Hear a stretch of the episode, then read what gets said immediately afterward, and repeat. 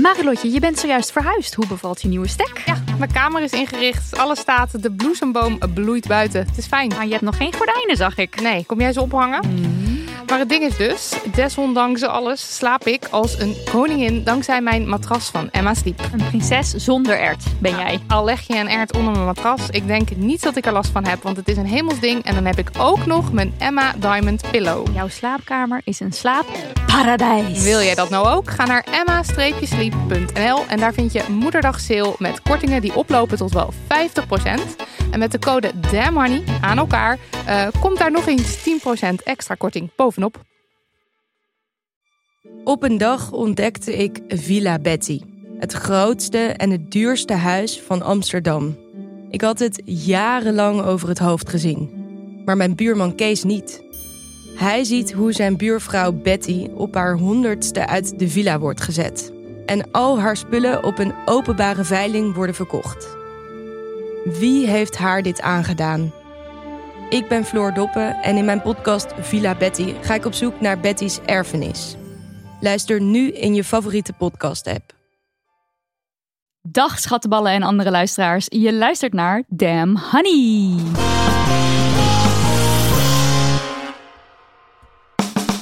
De podcast over shit waar je als vrouw van deze tijd mee moet dealen. Mijn naam is Nidia. En ik ben Marilotte. En dit is aflevering 99, deel A.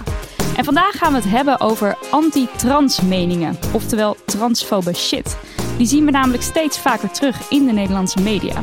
En voor een buitenstaander kan het soms uh, misschien onschuldig lijken. Of uh, een column komt misschien zelf zo over als een logisch pleidooi. Maar wat vaak onbenoemd blijft in zo'n stuk, in zo'n column, is dat trans mensen nog altijd te maken hebben met geweld, met intimidatie, discriminatie en buitensluiting.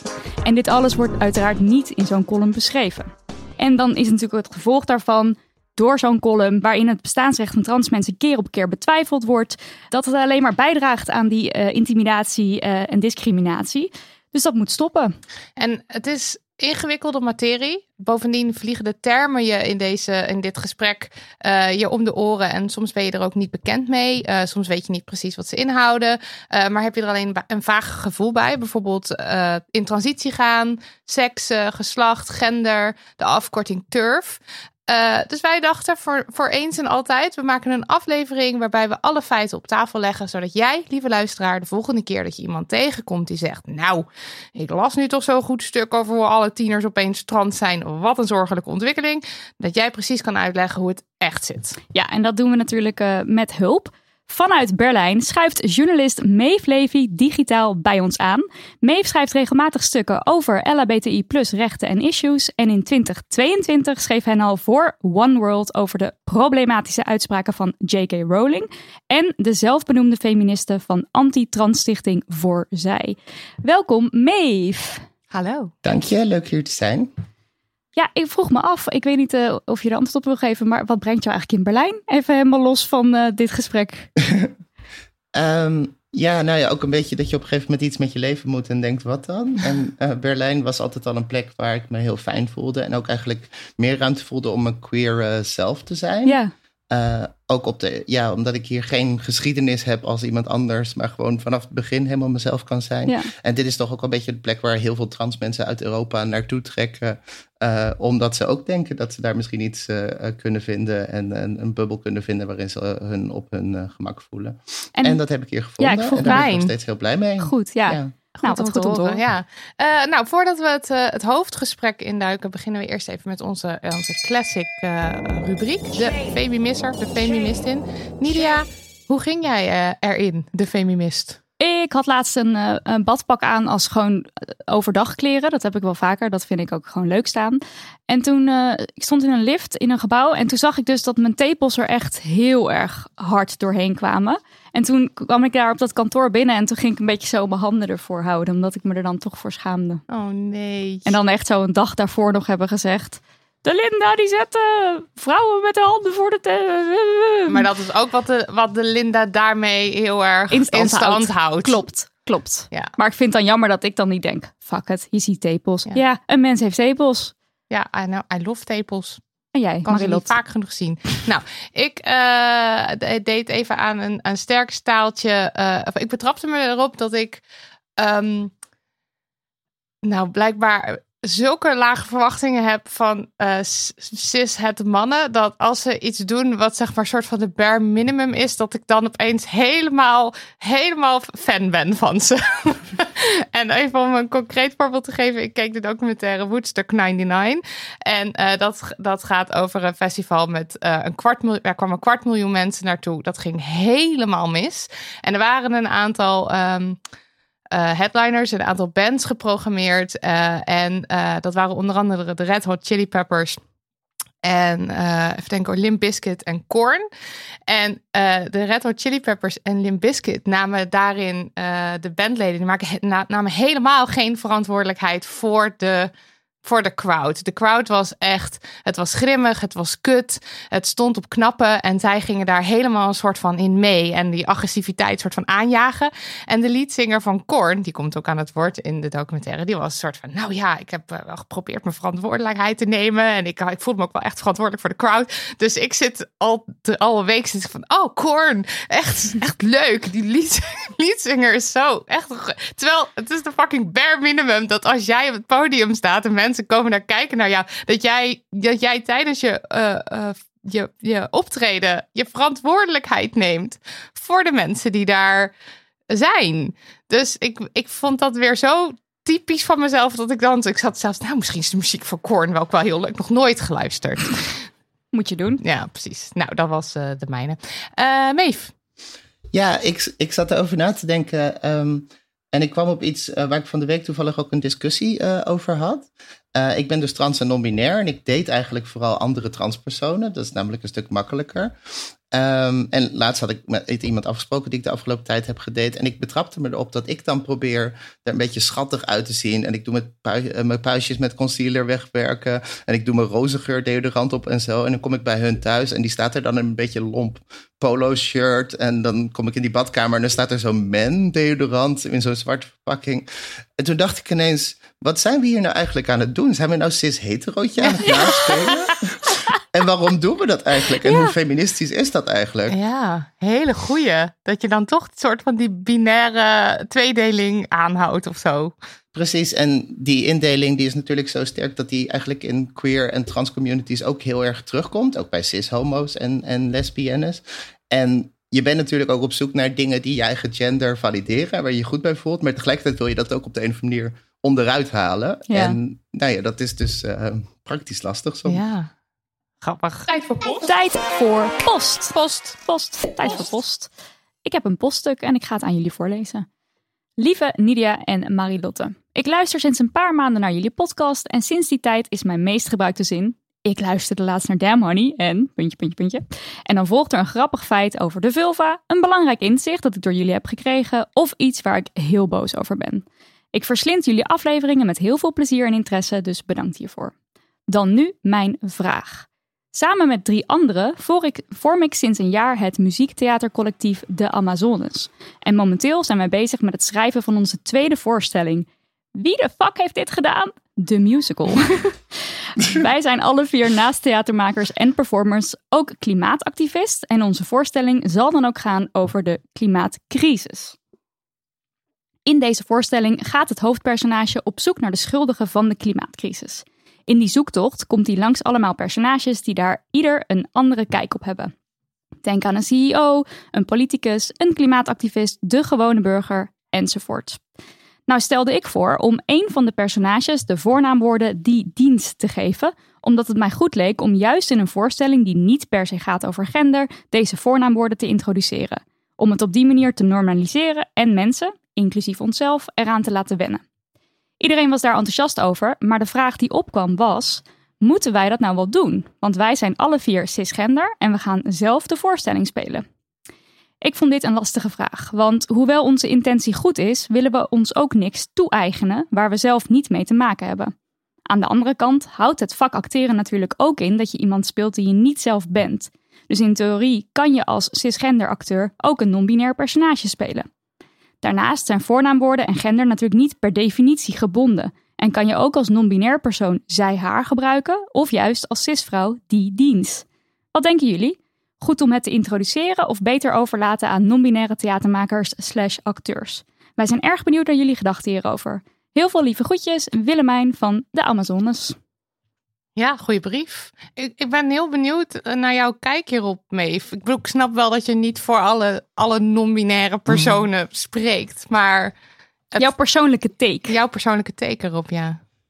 Ja, ik vond het wel een aardige vraag. Ehm, kijk, er is natuurlijk een, een, een groot probleem in eh, media, cultuur, films met eh, cisgender acteurs die trans eh, rollen spelen. Een heel bekend voorbeeld is bijvoorbeeld The Danish Girl en dat soort films.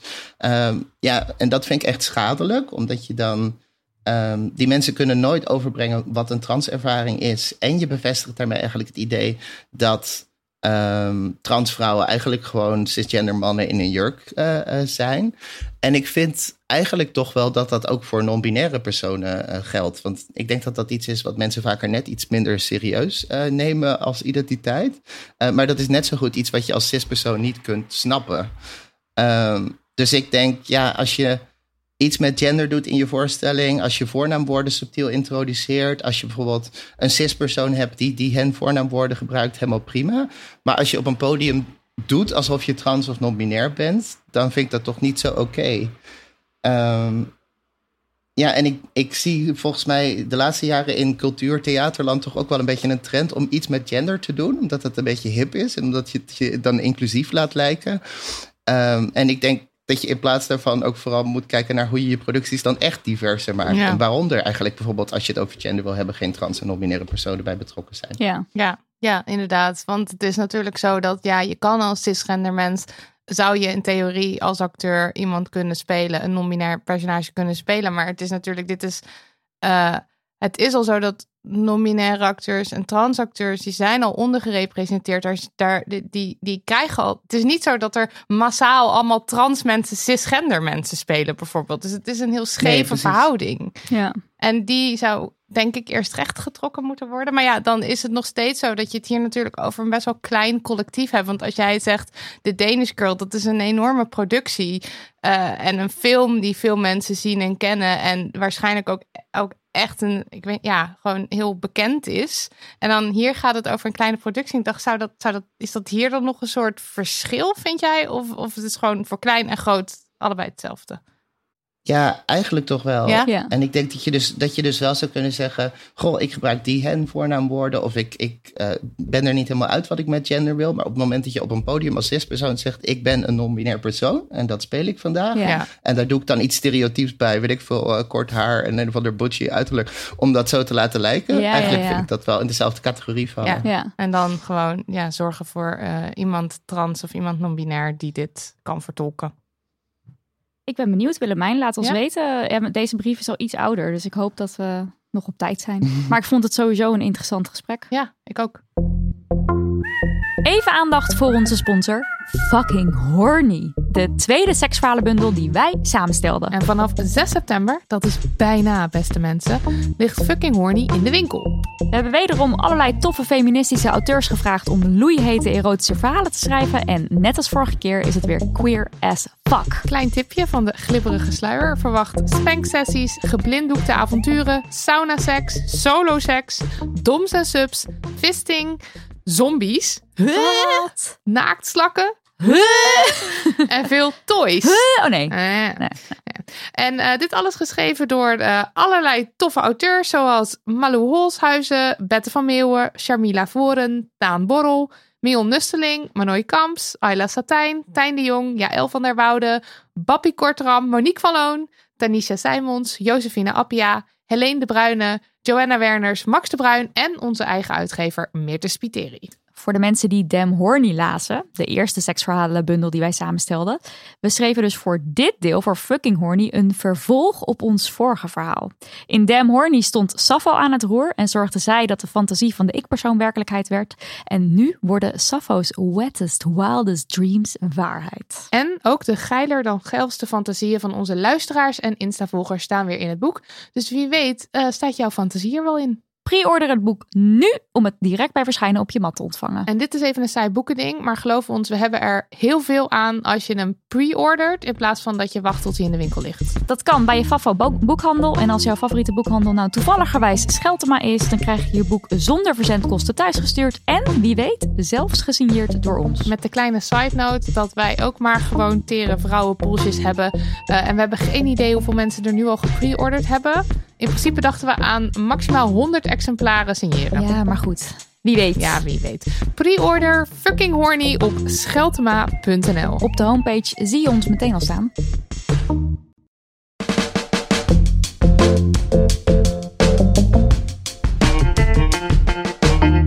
We moeten het even hebben over de subtiele, tussen aanhalingstekens, vormen van transhaat en transfobie die we de laatste tijd steeds vaker terugzien in de media. Eh, dat zijn gevaarlijke meningen die vaak gedeeld worden vanuit een zogenaamde bezorgdheid over vrouwenrechten of bezorgdheid voor jonge verwarde meisjes. En die meningen die worden gepresenteerd als feiten waarvan mensen die dan niet goed in de materie zitten al snel denken, nee, zit wat in. En dat is dus niet zo. Daar zit niks in. En wat we gaan doen nu hier in deze aflevering is de boel op een rijtje zetten en mythes debunken. Ehm, let op, dit is even ook gelijk een trigger warning, want er zullen dus onder andere nare transfobe takes genoemd worden eh, in deze aflevering. En die, ja, die zijn gewoon heel erg kut. Ehm, ik zei in de intro van deze aflevering al, de materie kan ingewikkeld zijn met allerhande termen die je misschien niet kent, maar samen met Maeve eh, loodsen we je er hopelijk op een beetje een duidelijke manier doorheen. En weet je aan het eind van de rit beter hoe de vork in de steel zit. En ben je klaar uh, om met feiten te strooien en de transfobe stemmen de grond in te, in te stampen. Um, Maeve, welke, uh, welke schadelijke anti-trans takes zien we veel terug in de media? Um, nou ja, je hebt natuurlijk verschillende niveaus van anti-trans-retoriek. Het extreemste is, dat zie je bijvoorbeeld in de VS veel, maar ook wel bij een SGP of een reformatorisch dagblad van trans mensen of genderideologie. Ik weet nog, nog steeds niet helemaal wat dat is, ondanks dat ik een van de uh, mensen ben die dat schijnt te propageren. uh, is een gevaar voor de natuurlijke orde en is eigenlijk een aanval op de traditionele cis-hetero familie. Uh, en daar moet je heel erg mee oppassen. En daarvan zeggen heel veel mensen, nou dat is extremisme. Mm -hmm. uh, maar er komt heel veel subtielere transhaat voor, wat eigenlijk gepresenteerd wordt als een rationeel en legitiem uh, debat. over allerlei zorgen die mensen hebben. over risico's voor vrouwenrechten. Over of toegang tot zorg niet te makkelijk is. Over uh, dat soort dingen. En dat is volgens mij veel gevaarlijker, omdat mensen dan al snel denken: ja, daar zal wel iets in zitten. En over zorgen die mensen hebben, uh, moet je toch een debat kunnen voeren.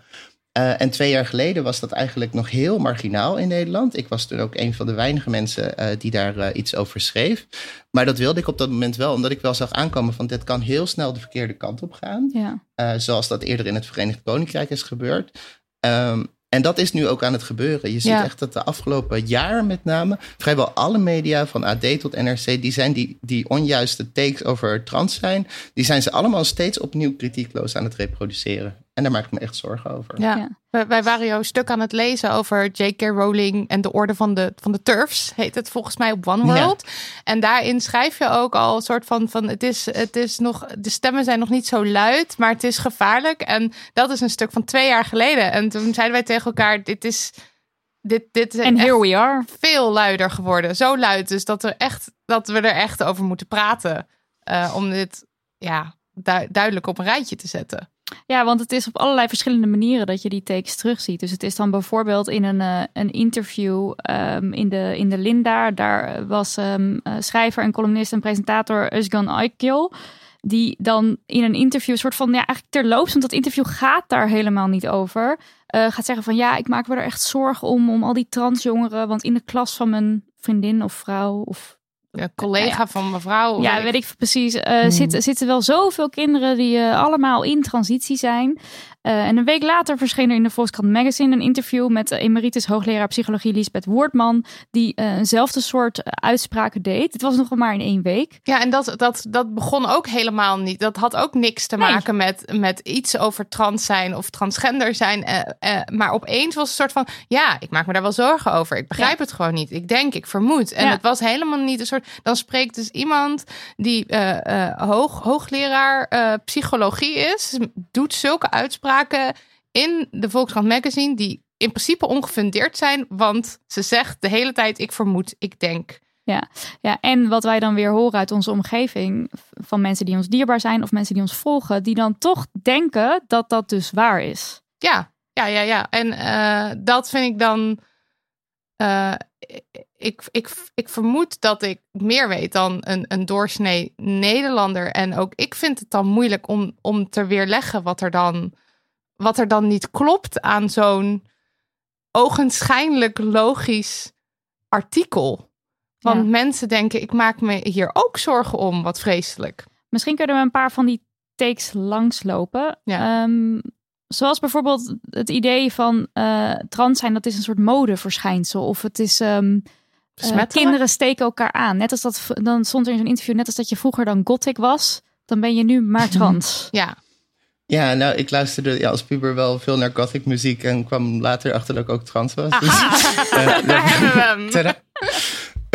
maar ja, kijk, je ziet natuurlijk dat er um, de laatste, nou ja, misschien tien jaar ongeveer, is er iets meer representatie van trans mensen in de media. Er is misschien iets meer acceptatie voor.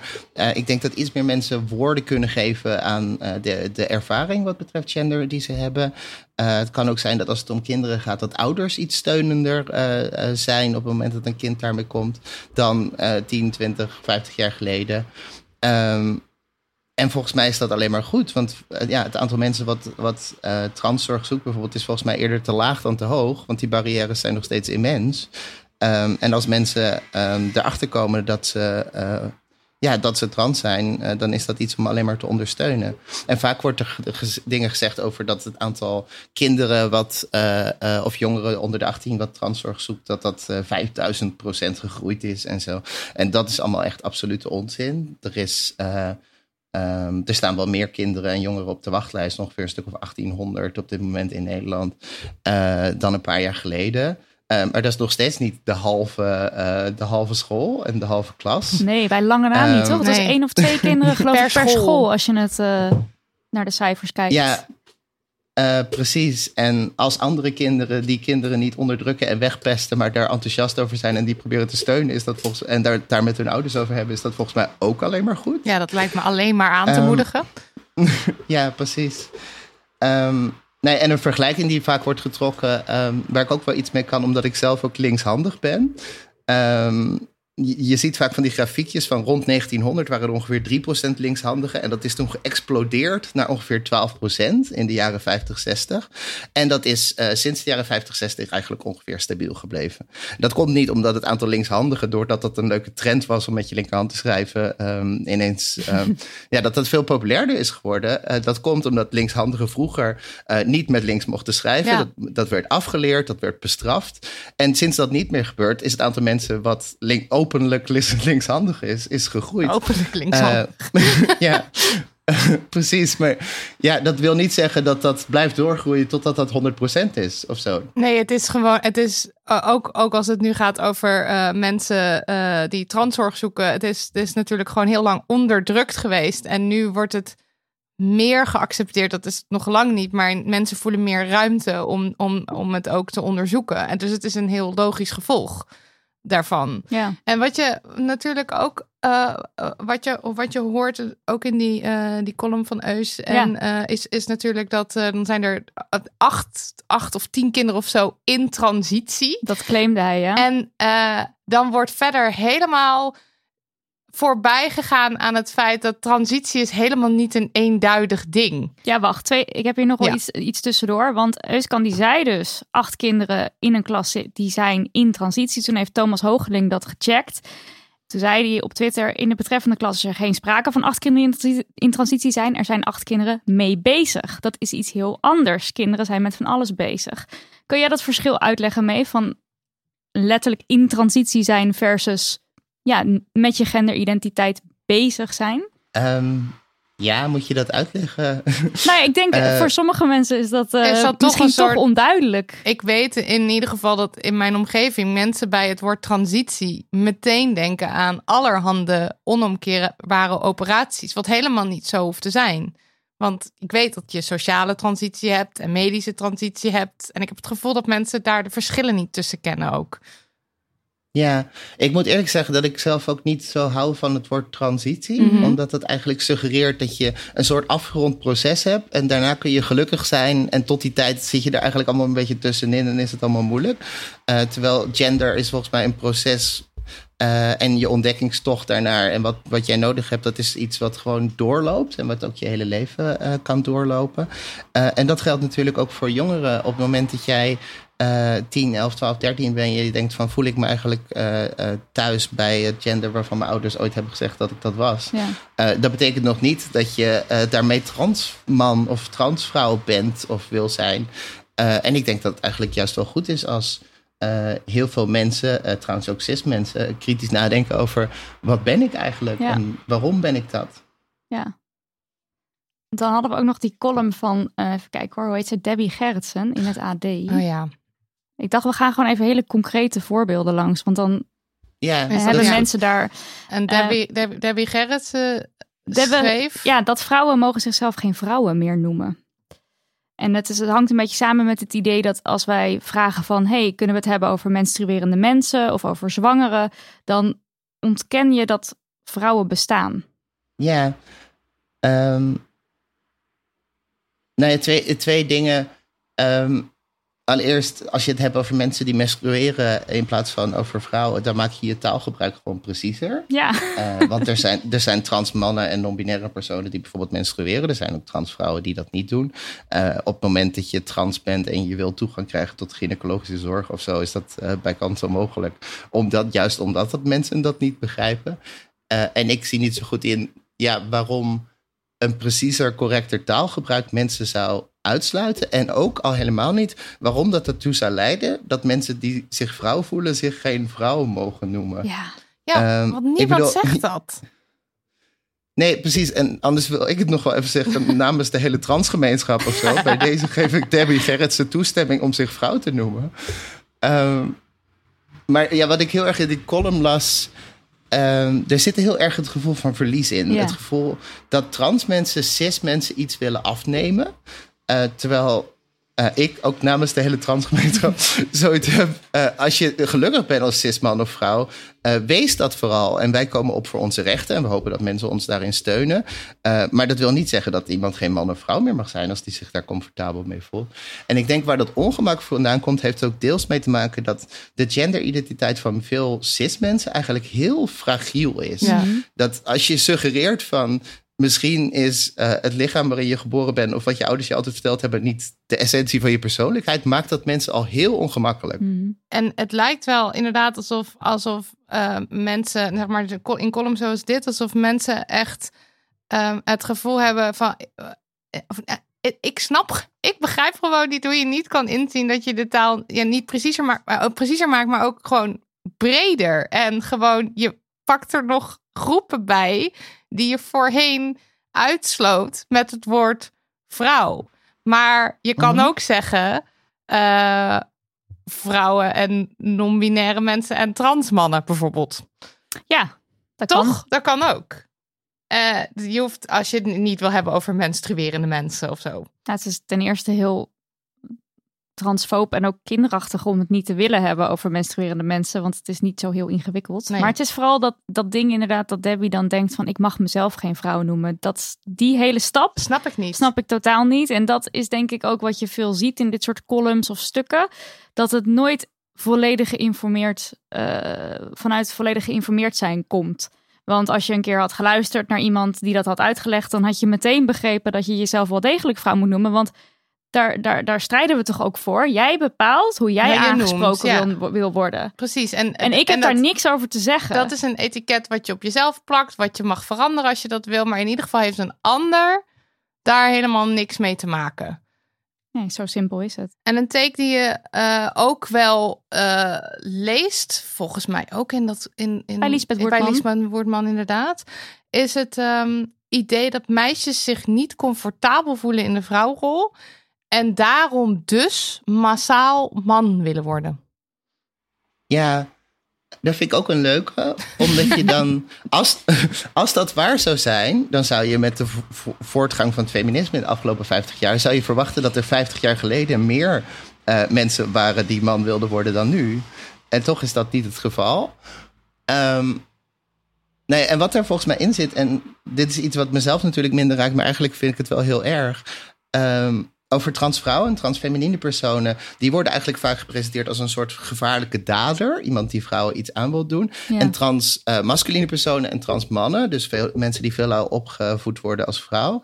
ehm, die worden gepresenteerd als een soort zielig slachtoffer. Ja. En die Ja. zijn helemaal niet in staat tot rationele keuzes te maken. En ik snap niet zo goed wat daar feministisch aan is.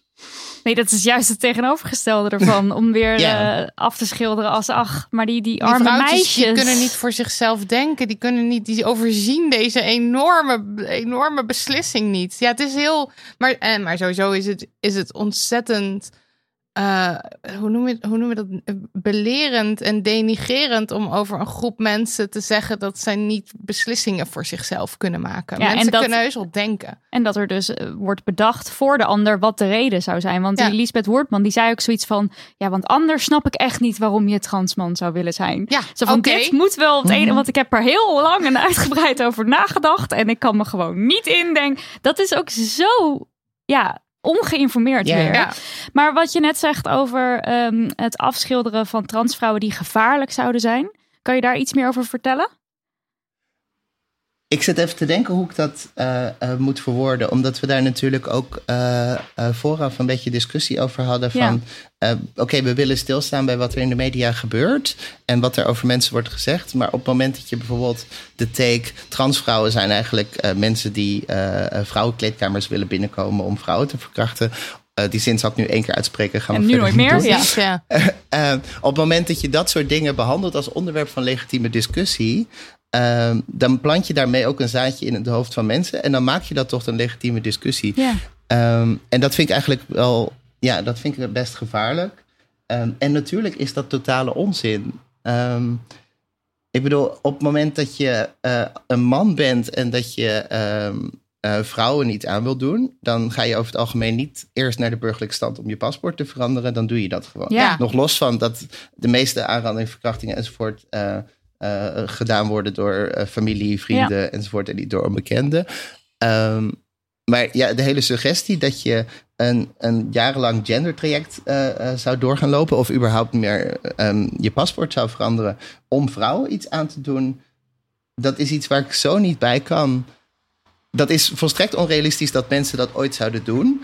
Maar de reden dat het argument eh, wordt aangevoerd en dat dat eh, toch ook wel enige weerklank vindt, dat is omdat heel veel mensen toch ergens denken dat transvrouwen eigenlijk mannen zijn en dus automatisch gevaarlijk zijn. ja, en een soort predators. Ja, precies. En dat is een beeld eh, over transvrouwen wat eigenlijk al tientallen jaren eh, structureel wordt neergezet. Ook een beetje vanuit eh, tweede golffeministen, eh Jermaine Greer. eh, eh, je hebt een heel beroemd boek, The Transsexual Empire van Janice Raymond. Ehm, en het punt daarin is dat mannen eigenlijk trans zijn zouden hebben uitgevonden om het feminisme onderuit te halen. eh, om het patriarchaat te versterken, om eh, ehm, nou ja, vrouwen iets aan te doen. Ehm, en dat is niet helemaal de realiteit. De realiteit is trouwens ook dat het eerder omgekeerd is. In de zin dat 43% van de transpersonen maakt jaarlijks een vorm van geweld. ver- Verbaal of fysiek mee. Ja. Geldt voor mij zelf overigens ook. Ehm, en transvrouwen zijn overweldigend vaker slachtoffer van eh, geweld, discriminatie enzovoort. Ze krijgen alles wat over zich heen, wat cisvrouwen over zich heen krijgen wat dat betreft. En daarbovenop Ja. krijgen ze nog transhaat. Ja. Ja, dus, dus wie is nou de, de groep die beschermd moet worden? Eh, dat, zijn, dat, dat zijn in dit geval de trans mensen en dat zijn niet de cis mensen hier. Nou ja, cisvrouwen moeten En- ook beschermd worden. Daar- Ook daar beschermd worden. Ja, ja, ja, nee, dat is ook zo. Ik zeg dat verkeerd, maar eh, het is eh, om, om eh, trans vrouwen neer te zetten als een soort van het zijn mannen en dus predators is, ja, het is gewoon op meerdere vlakken heel schadelijk. is super schadelijk. En het moet- is ook, zeg maar, dan nu zitten wij dit inderdaad dus weer over te praten. Maar even eigenlijk wat je net zei, van je geeft er daarmee ook een soort van nou ja, credibility of zo aan. Maar ook, het is ook afleiding. Want weet je wel, we hebben echt veel Ja. betere dingen om voor te strijden. En toch zitten we dan dit weer. te weerleggen de hele Te weerleggen, tijd. Zo van, terwijl- het klopt Ja. niet. We, ha- we hadden had helemaal niet nodig hoeven zijn. Nee. eh, zoals bijvoorbeeld die wachtlijsten, weet je wel, er, er, er is genoeg waar, waar we echt heel erg hard de, de ehm, alarmbellen voor moeten laten eh, rinkelen. En toch zitten we deze opname nu te maken, omdat Ja. dit de hele tijd nu terugkomt. Ja, ja, ja, ja. Ja, nee, dat is echt een tactiek Ja. inderdaad, om, om ons van dat debat af te houden, denk ik. Eh, nog één ding wat me te binnen schoot, ehm, is dat je volgens mij in dat soort argumenten, dus zie je ook echt een overeenkomst met hoe eh, homo's bijvoorbeeld in, tot in de jaren 80 en 90 nog werden neergezet in de media. Want eh, homoseksuele mannen met name, dat zouden ook pedofielen zijn, dat zouden ook groomers zijn, die zouden ook kinderen willen beïnvloeden om ook homo te worden, whatever. En dat is het bijzondere, dat op dit moment, in deze tijd, zou geen serieuze krant een stuk meer publiceren. eh, waarin staat: homo's zijn gevaarlijk. eh, en ze willen onze kinderen of onze vrouwen of weet ik veel wat iets aandoen. Maar over trans mensen is dat op de een of andere manier nog heel normaal. Ja, Ja, en is het, eh, is het dus bijna iets waar je mee te koop gaat lopen in een interview ja als bekend ja. persoon. Ik moet ook nu denken aan de, aan die documentaire Disclosure, waar het inderdaad ook eh, zo langs wordt gegaan van eh, wat, wat de geschiedenis is van hoe trans vrouwen vooral eh, zijn neergezet in, eh, in film ook. Dat het altijd als een soort als een verklede man eigenlijk. eh, en, en dat je je als trans mens, als transvrouw nooit op een goede manier gerepresenteerd zit. En dat dat dus ook zo doorwerkt in hoe de maatschappij denkt over jou. Mhm. Even kijken hoor, dan hebben we ook nog het eh, idee dat eh, trans mensen spijt krijgen. Veel trans veel mensen, spijt krijgen veel. van, eh, ja. dan, heb ik, dan gaat het over medische transitie, Ja, ik denk, denk het ik, ook. waar ze dan Operaties naar misschien. refer- refereren. Ja, Eh, nou ja, daar is ook onderzoek over en dat is absolute onzin. Eh, er zijn studies die zeggen ongeveer 1% van de trans mensen die een vorm van operaties ondergaat, heeft daar spijt van. En eigenlijk ongeveer de helft van de mensen heeft geen spijt. Eh, omdat ze aan hun genderidentiteit twijfelen, maar omdat eh, ze in de maatschappij niet serieus genomen worden, niet voldoende ondersteund worden, eh, omdat ze met discriminatie te maken krijgen Ja. enzovoort. Dus dat is een hele kleine groep. Terwijl ik heb geloof ik wel eens gezien, het aantal mensen wat niet tevreden is en spijt heeft over een knieoperatie is geloof ik 35, 40 procent. Ja, ja, ja. Maar op de een of andere manier is het heel normaal om die uit te voeren. En zijn, zijn trans genderbevestigende operaties echt een aparte categorie. En, maar, en er zit ook een soort idee achter. eh, eh, en dat zie je ook in ehm, de argumenten die gebruikt worden als het gaat om zorgen over kinderen. Maar ook, ook hier. ehm, dat er eigenlijk gedaan wordt alsof de barrière ehm, voor toegang tot transzorg heel laag is. Ja. Dat je eh, daar zo binnenkomt en, en voor je het weet, eh, weet ik veel, zijn je borsten eraf. Ja, als elfjarige Of zeg maar morgen. Als elfjarige. Nee, en daar kom je allemaal niet meer vanaf. Ja. En ik mag hopen dat mensen dat weten. Maar misschien is het goed nog even te benadrukken dat die barrières niet eh, te, hoog, eh, te laag zijn, maar te hoog. Ehm, op dit moment, als je je aanmeldt voor een vorm van eh, medische transzorg, dan sta je sowieso 2,5, 3 jaar op de wachtlijst voor een eerste gesprek. Eh, dan moet je mensen overtuigen eh, dat je trans genoeg bent. Eh, vaak artsen en psychologen die juist in hele binaire stereotypen denken. Dus je moet je zo binair mogelijk gedragen om daar doorheen te komen. Dan uiteindelijk na een hele tijd krijg je misschien weer hormonen. Voor operaties zijn er nog weer jarenlange trajecten.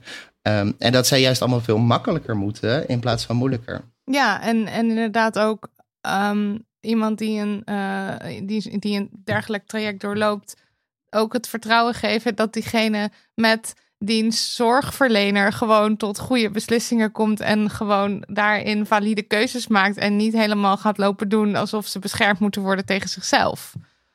Ja, ehm, nee, wat trans mensen vinden is dat die zorg eigenlijk gebaseerd zou moeten zijn op informed consent. Ja. Eh, ik zeg trans mensen vinden, eh, transactivisten vinden dat veelal. Dus dat wil zeggen dat je een arts hebt en een psycholoog enzovoort die je wel begeleiden en die je goede informatie geven over keuzes, risico's enzovoort. Maar dat je uiteindelijk zelf beslist van ik wil hormonen of ik wil dat. Ja. En ehm cis mensen die krijgen voortdurend dat soort zorg. Ja, Op het moment ja, ja, dat ja. jij een vrouw bent en je gaat in de menopauze, dan krijg je precies dezelfde oestrogeentabletjes waar trans mensen drie jaar op moeten wachten. Als je een cisman bent, je testosteron is te laag, dan is dat binnen een paar weken gefixt Ja. enzovoort. En alleen voor trans mensen is er een jarenlange barrière. Ja. En dat komt uiteindelijk, en dat wordt niet meer gezegd, maar zo denken mensen nog wel, eh, dat er eigenlijk nog steeds wordt gedacht dat wij ziek zijn. ja. Ja. Terwijl je eigenlijk ziek wordt van de barrières. Of kan worden. Ja. Kan je daar misschien ook iets meer over vertellen? Over wat het doet met mensen als je dus de juiste zorg ontzegd wordt? dat gebrek aan toegang tot zorg, dat maakt het uh, voor veel mensen heel veel lastiger. Dat betekent dat je jarenlang uh, in een realiteit leeft um, uh, waar je eigenlijk niet in wil leven. Dat betekent ook voor kinderen en jongeren die eigenlijk puberteitsblokkers zouden willen, dat je eigenlijk die onomkeerbare puberteit doorloopt, um, die je eigenlijk niet wil. Um, en op het moment dat je daarop kan ingrijpen en op het moment dat je transzorg benaderder maakt, dat redt ook gewoon levens. Um, in, onder trans uh, jongeren is het aantal zelfmoordpogingen is tien keer zo hoog als onder cis jongeren. Um, dus nou ja, alles wat je kan doen om dat makkelijker te maken, om die transzorg toegankelijker te maken, dat redt echt levens. Ja, dus nogmaals, daar, moet, daar zou de aandacht naartoe moeten. Ja, en, want is de, de, de groep die zeg maar spijt krijgt van de medische van een transitie waar dus zo op gefocust wordt, die is vele malen kleiner. Dat is dus 1% ongeveer. Ja, en dan, nogmaals, van die 1% is dus een groot deel mensen die, die, dat, die spijt hebben vanwege de transfobie. Oh ja, ja, dat is er ook nog natuurlijk. Ja. Omdat je dan denkt, kut, de maatschappij reageert helemaal niet. Ja, ja, oké. Maar die, die groep is dus super klein en de groep die nu zorg ontzegd wordt, of in ieder geval, die is gigantisch. En op de een of andere manier vinden mensen het toch nodig om zich op die hele kleine groep te focussen. Dat is ook ruis. Ruis en haat. Uh, ja, dan, ik denk dat we dan de, ja, de meest voorkomende takes ongeveer wel zo doorlopen hebben. Maar waar komen, die, waar komen deze takes over trans mensen vandaan? Door wie worden ze ook verspreid? Ja, wat je ziet is dat diezelfde tekst, diezelfde argumenten, die worden eigenlijk internationaal door iedere antitransbeweging uh, gebruikt. Uh, om trans mensen te pathologiseren en te stigmatiseren. Dat halen ze ook bij elkaar vandaan. Je ziet dat de media dat van elkaar uit, uit het buitenland ook overneemt. Um, en wat er denk ik aan het gebeuren is, is dat je. Trans mensen hebben een, een toegenomen uh, zichtbaarheid in de afgelopen tien jaar. Uh, er zijn enkele beperkte vooruitgangen qua, toegang tot zorg, qua rechten. En kennelijk is dat al te veel en leidt dat al tot een soort terugslag uh, dat we op onze plek gezet moeten worden. Um, je ziet ook dat we speelbal worden gemaakt in een soort culture war. Dat zie je met name in de, in de VS. Uh, maar toch ook wel hier. Je zag bijvoorbeeld rond uh, de laatste verkiezingen. Uh, zag je posters van Forum voor een Democratie. Van hoeveel genders heb je vandaag. Mm. En over genderwaanzin. Um, en je ziet dus dat onder het mom van feminisme. cisvrouwen tegen ons worden opgezet. Omdat wij een bedreiging zouden zijn. Um, dus dat komt uit verschillende richtingen, maar daar zit gewoon eh, wel een conservatieve agenda achter. Ja. Uh, waarvan ik me zorgen maak dat het heel snel erger wordt. En dat betekent dat trans mensen uh, echt in gevaar zouden kunnen komen als het gaat om discriminatie, als het gaat om geweld op straat, als het gaat om minder rechten. En als je wil zien waar die agenda uiteindelijk heen gaat, dan hoef je maar te kijken naar bepaalde kopstukken van die genderkritische beweging. er is bijvoorbeeld Helen Joyce, dat is een bekende gender critical feminist in het uh, Verenigd Koninkrijk. Uh, het NRC heeft een boekbespreking van haar laatste boek gedaan, waarin dat gepresenteerd werd als allemaal hele redelijke zorgen over jongeren enzovoort. Maar die zegt inmiddels gewoon: uh, wij zitten in het Verenigd Koninkrijk voorbij het stadium van uh, mensen bewust maken over wat het probleem is met trans mensen. Dat is al gelukt. We moeten nu gewoon vaststellen: trans mensen zijn a huge problem to a sane world. Hmm. Dus een groot probleem voor een geestelijk gezonde wereld. En het gaat er nu om het aantal trans mensen en het aantal trans mensen uh, dat in transitie gaat, om dat actief terug te brengen. Ja. dat wordt gewoon openlijk gezegd en dat is uiteindelijk de agenda. Ja. En is zo'n Helen Joyce, valt zij dan ook onder de turf? Is, kan je haar een turf noemen? Wat is een Ik turf? van wel. En wat is dat Wat dan? is een turf? Uh, een TERF is een Trans-Exclusionary Radical Feminist. Uh, dat is dus iemand die zich feminist uh, noemt, maar opkomt voor vrouwenrechten en trans mensen als een soort blokkade van de strijd voor vrouwenrechten ziet. ik weet niet of die term zo correct is. Ik heb recent ook wel farts zien langskomen. Die vind ik leuker nu al. Feminism appropriating reactionary transphobes. Ja. Uh, en dat, dat is wat er eigenlijk gebeurt. Uh, dat mensen, sommige daarvan zullen feministen zijn, sommige daarvan uh, zijn eigenlijk nou ja, hele conservatieve rechtse mensen die het feminisme eigenlijk gebruiken om draagvlak te creëren. Um, ja, en die dat doen op een manier die trans mensen uitsluit. En, en je, hebt, je hebt ook nog de, de term red femme. Is dat hetzelfde als een, een turf of een fart? persoon? Ja, ja, dat is radical feminist. Dat is hoe ze zichzelf vaak noemen. Oh ja, Ja, zij- Als je zij dat, zijn als je dat in een, als je dat in een Tinder profiel ziet of zo, meteen naar links Oké, dat is duidelijk. En, maar, en, en want, eh, want nu heb je het over ehm, eh, Helen Joyce in de, in de VK, in het Verenigd Koninkrijk. Mhm, En Hoe, ja. groot, hoe, groot is, hoe groot is die beweging in Nederland? Is dat aan het, aan het overslaan? Of, eh, of is het hier... Ehm, nou ja en nee. In het Verenigd Koninkrijk is die beweging ook qua aantal mensen wat daar echt moeite voor doet, is veel groter. Die hebben ook ehm, echt voor elkaar gekregen dat in een, een paar jaar het hele discours, het maatschappelijk verhaal over trans mensen, dat dat echt is omgeslagen. Ehm, dat bijvoorbeeld eh, vorig jaar eh, puberteitsblokkers voor jongeren eh, de toegang daartoe is opgeschort. Nu is zelfs de hele genderkliniek voor minderjarigen gesloten. Er is daar een wet voor ehm, gender self-declaration. Dus dat je zelf mag bepalen wat je gender is en wat je gendermarker in je paspoort is. Die is teruggetrokken door massaal protest. Dus daar hebben ze echt dingen bereikt. Eh, dat geldt ook in het VS, dat geldt ook elders in Europa. En dat is in Nederland nog niet zo. Ehm, en die actieve beweging van, van turfs, die bestaat, eh, maar die is eigenlijk toch wel vrij klein. Die probeert wel eh, de Tweede Kamer te beïnvloeden. Die probeert eh, ook voorlichtingsmateriaal via scholen en Ja. artsen te verspreiden, waarin dingen gezegd worden als ehm, als je kind zegt dat hij trans is, ga daar niet in mee. Blijf de oude voornaamwoorden gebruiken, Ja. dat soort adviezen. Ehm, maar goed, die beweging die probeert heel erg hetzelfde te doen als in het Verenigd Koninkrijk en de Verenigde Staten, maar dat lukt ze nog niet echt. Eh, dus daar zit wel enig gevaar. Maar veel gevaarlijker is eigenlijk hoe eh, eh, de grote mainstream media inmiddels die ideeën op precies dezelfde manier aan het verspreiden zijn. Ja, en ik vraag me dan toch af waar ze dan, de, de media, die, die, die hebben het toch ergens vandaan. En de, de Liesbeth, Wo- Liesbeth Woordmans. Dus dan, zij, zij zien zichzelf misschien niet als ehm turfs, nou dat zien, nou, of red fans. Maar ondertussen zijn ze wel dat soort eh, theorieën aan het verspreiden. En jij was ook naar een eh Voorzij-conferentie geweest, twee jaar geleden. Want wat is Voorzij? Ja, dat is een, eh, een feministisch platform wat opkomt voor. Feministisch platform. ja, en dat, eh, eh, je hebt daar ook een verslag over geschreven. En daar werd dan ook al gezegd van alle Nederlandse vrouwenorganisaties, zoals Atria en Women Inc., die zijn gekaapt door het transideaal en geloven dat transvrouwen vrouwen zijn. Dat soort dingen worden daar eh, gezegd. En dit zijn ook wel voor de mensen die op Twitter zitten. de types die je op Twitter veel lang ziet komen met echt walgelijke transfobe takes, die, Die zijn ook vaak bij aangesloten bij Voorzij. Voorzij. Maar voor zij is, is, is rela- relatief klein, of niet? Absoluut. Ehm, en je, je zag in dat, dat verhaal wat ik twee jaar geleden schreef, daar zeggen ze echt heel teleurgesteld nog van, ja, maar niemand luistert eigenlijk naar ons, Ja. behalve misschien de SGP en daar houdt het ongeveer Ja, op. dat ook. Dat ik En- denk en dan- van, is dat waar je al, dat zegt al zoveel. Nee, precies. Eh, Ja. Maar dat is natuurlijk wel veranderd. En die mensen zitten intussen, zitten die, ondertussen, eh, zitten die ontzettend in hun handjes te knijpen.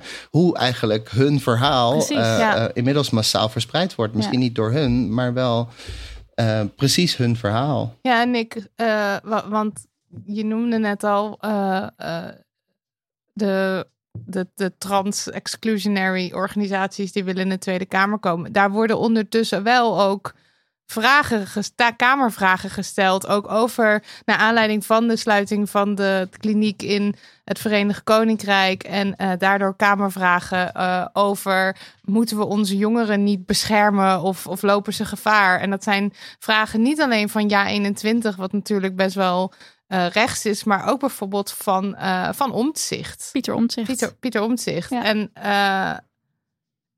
ja, hoe kijk jij daarnaar als je dat ziet, hoort? Ja, ik zag die vragen en ook hoe daar in de media over gerapporteerd wordt. En dat is gewoon. Dat zijn gewoon letterlijk de, de argumenten van die, van die turf-organisaties. Eh, en die verspreiden eh, Kamerleden waarvan je misschien enige hoop zou hebben eh, dat dat fatsoenlijke mensen zijn. In elk geval wat opzicht betreft. Ja. Die verspreiden dat gewoon kritiekloos. En ik ben ook heel benieuwd hoe dat gaat met de behandeling van de wijziging van de transgenderwet binnenkort. Mhm. Eh, dat is eh, een van de dingen die zij in die vragen ehm, vragen. eh, is: bent u bereid die behandeling te uit te stellen omdat wij onze zorgen willen bespreken? De wijziging um, waar het om gaat is dat je straks geen deskundige verklaring meer nodig hebt om je, zeg maar, je le legale wettelijk geslacht en voornaam te laten wijzigen. Dus dat je dat zelf bij de burgerlijke stand kan doen. Um, en dat is echt voor dit soort mensen en dit soort organisaties is dat een prachtige aanleiding om helemaal vol op de transfobe tour te gaan. Ja. Uh, en ik ben benieuwd hoe dat gaat. Ik, ik denk dat er best een kans is dat VVD en CDA uh, daarnaar luisteren en dat die wet er, er, niet komt. Maar het rare hiervan vind ik dat het gaat over een uh, verruiming van, of in ieder geval, je, je, het gaat helemaal niet over iets medisch, maar de vragen die gesteld worden gaan wel over medische dingen. En, en dat vind ik zo verraderlijk dat is het op één hoop gooien van al de termen. Ja. En het is ook niet snappen of ook niet willen snappen. Of heel erg doen alsof je het niet snapt. Het heel goed snappen en maar mensen zo bespelen. denk ook als je luistert en je leest die kamervragen. Weet dat het ook gewoon dat, dat het allemaal op één hoop gegooid wordt. En dat, dat, hier, dat, dit, dat hier inderdaad zo'n conservatieve agenda achter zit van alles terugdraaien. En, en nou, ja, hoe komt het? Wat is het dat zoveel mensen dit allemaal zo klakkeloos uh, overnemen en slikken allemaal? Mensen, I mean cis mensen. ja. Um, ja, dat is een goede vraag. Um, ik weet ook niet of ik daar helemaal een, een, antwoord op heb. Ik denk dat heel veel zaken heel redelijk klinken als je niet weet hoe het zit. Dat je denkt van ja, maar vrouwenrechten zijn belangrijk. Ja, maar met kinderen moet je wel oppassen. Uh, terwijl mensen er gewoon de feiten niet paraat hebben. Um, maar ik denk dat het toch ook wel zo is dat ja, de hele maatschappij heeft eigenlijk allerlei transfobe ideeën uh, geïnternaliseerd. Ik bedoel, er zijn mensen uh, die ons dood willen en in elkaar willen slaan. Uh, er zijn mensen die onze rechten willen inperken, die daar een discussie over willen voeren. Maar er zijn ook heel veel mensen um, die denken van ja, trans mensen, dat moet allemaal maar kunnen, zolang we er maar niet te veel last van hebben. Of die zegt, trans mensen zijn zo dapper, maar in laatste instantie zien ze ons niet voor, voor wie we zijn. En dat zijn de mensen die uh, dat is de grootste groep mensen in de samenleving volgens mij. Dat zijn de mensen die ons straks het eerste laten vallen. Uh, en de mensen die ons echt begrijpen en steunen, dat is volgens mij maar een heel beperkte ja. groep. En het is ook het hele ding van vrouwenrechten, kinderen. Dat zie je natuurlijk, dat wordt eigenlijk alleen maar opgeroepen als er dus een transfobe, een racistische, een nou, noem maar op agenda er is. Want op het moment dat wij zeggen, yo, vrouwenrechten, dan is het de vrouwen in Afghanistan, die hebben het, erg. echt erg. Of als wij zeggen, hey, transkinderen, die moeten we echt helpen, want het gaat zo niet langer. Dan is het, weet je wat, is het zo um, specifiek alleen maar inzetten voor je eigen eigen, eigen, eigen, ja, precies, voor je eigen gewin. Ja. En um, ja, nou ja, we hebben het hier heus al wel over gehad. Maar wat zijn de gevolgen voor, uh, voor trans mensen als deze ideeën steeds populairder worden? Um, ik denk dat je in uh, het VK en het VS heel erg uh, ziet wat, wat er dan gebeurt en hoe snel dat gaat. Uh, dat betekent als eerste stap wordt de zorg voor minderjarigen ingeperkt. Uh, vervolgens wordt de transzorg voor iedereen ingeperkt. Dat is bijvoorbeeld wat in de VS ook aan het gebeuren is. Uh, op een gegeven moment wordt het misschien onmogelijk je naam of je wettelijk geslacht überhaupt nog aan te wijzigen. Zoals bijvoorbeeld in Hongarije vorig jaar is ingevoerd. Dan worden beschermingen tegen discriminatie weggenomen. Die haat gaat steeds verder doorcijpelen in de maatschappij. Um, nou, die kant moeten we niet op. Nee, nee, absoluut niet. Dan als laatste vraag, wat kunnen wij en um, luisteraars doen om, om ja, zoveel mogelijk dit tegen te gaan, af te remmen? Ja. Nou ja, als eerste je hierover inlezen, mm -hmm. uh, dit soort verhalen ook verspreiden. Uh, je kan mijn oude stukken daarover lezen. Er zijn ook hele goede boeken over. Er is uh, een heel goede is bijvoorbeeld uh, The Transgender Issue van Sean Fay.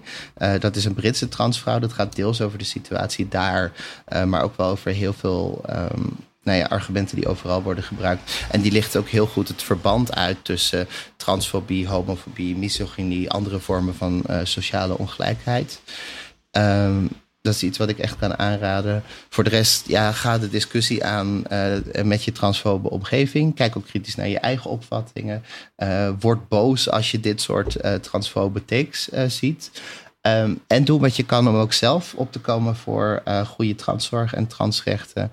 Uh, bijvoorbeeld, uh, er zijn het afgelopen jaar veel demonstraties geweest van Transzorg Nu. die onder andere opkomen voor um, nou ja, betere transzorg en zelfbeschikking voor trans mensen over hun lichaam.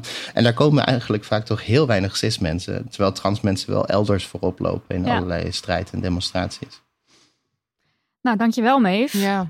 Laten we hopen dat dit gesprek ook weer een beetje iets bijdraagt en mensen een beetje verlichting tot brengt. actie overzet. Precies mensen die luisteren. Zet hem op.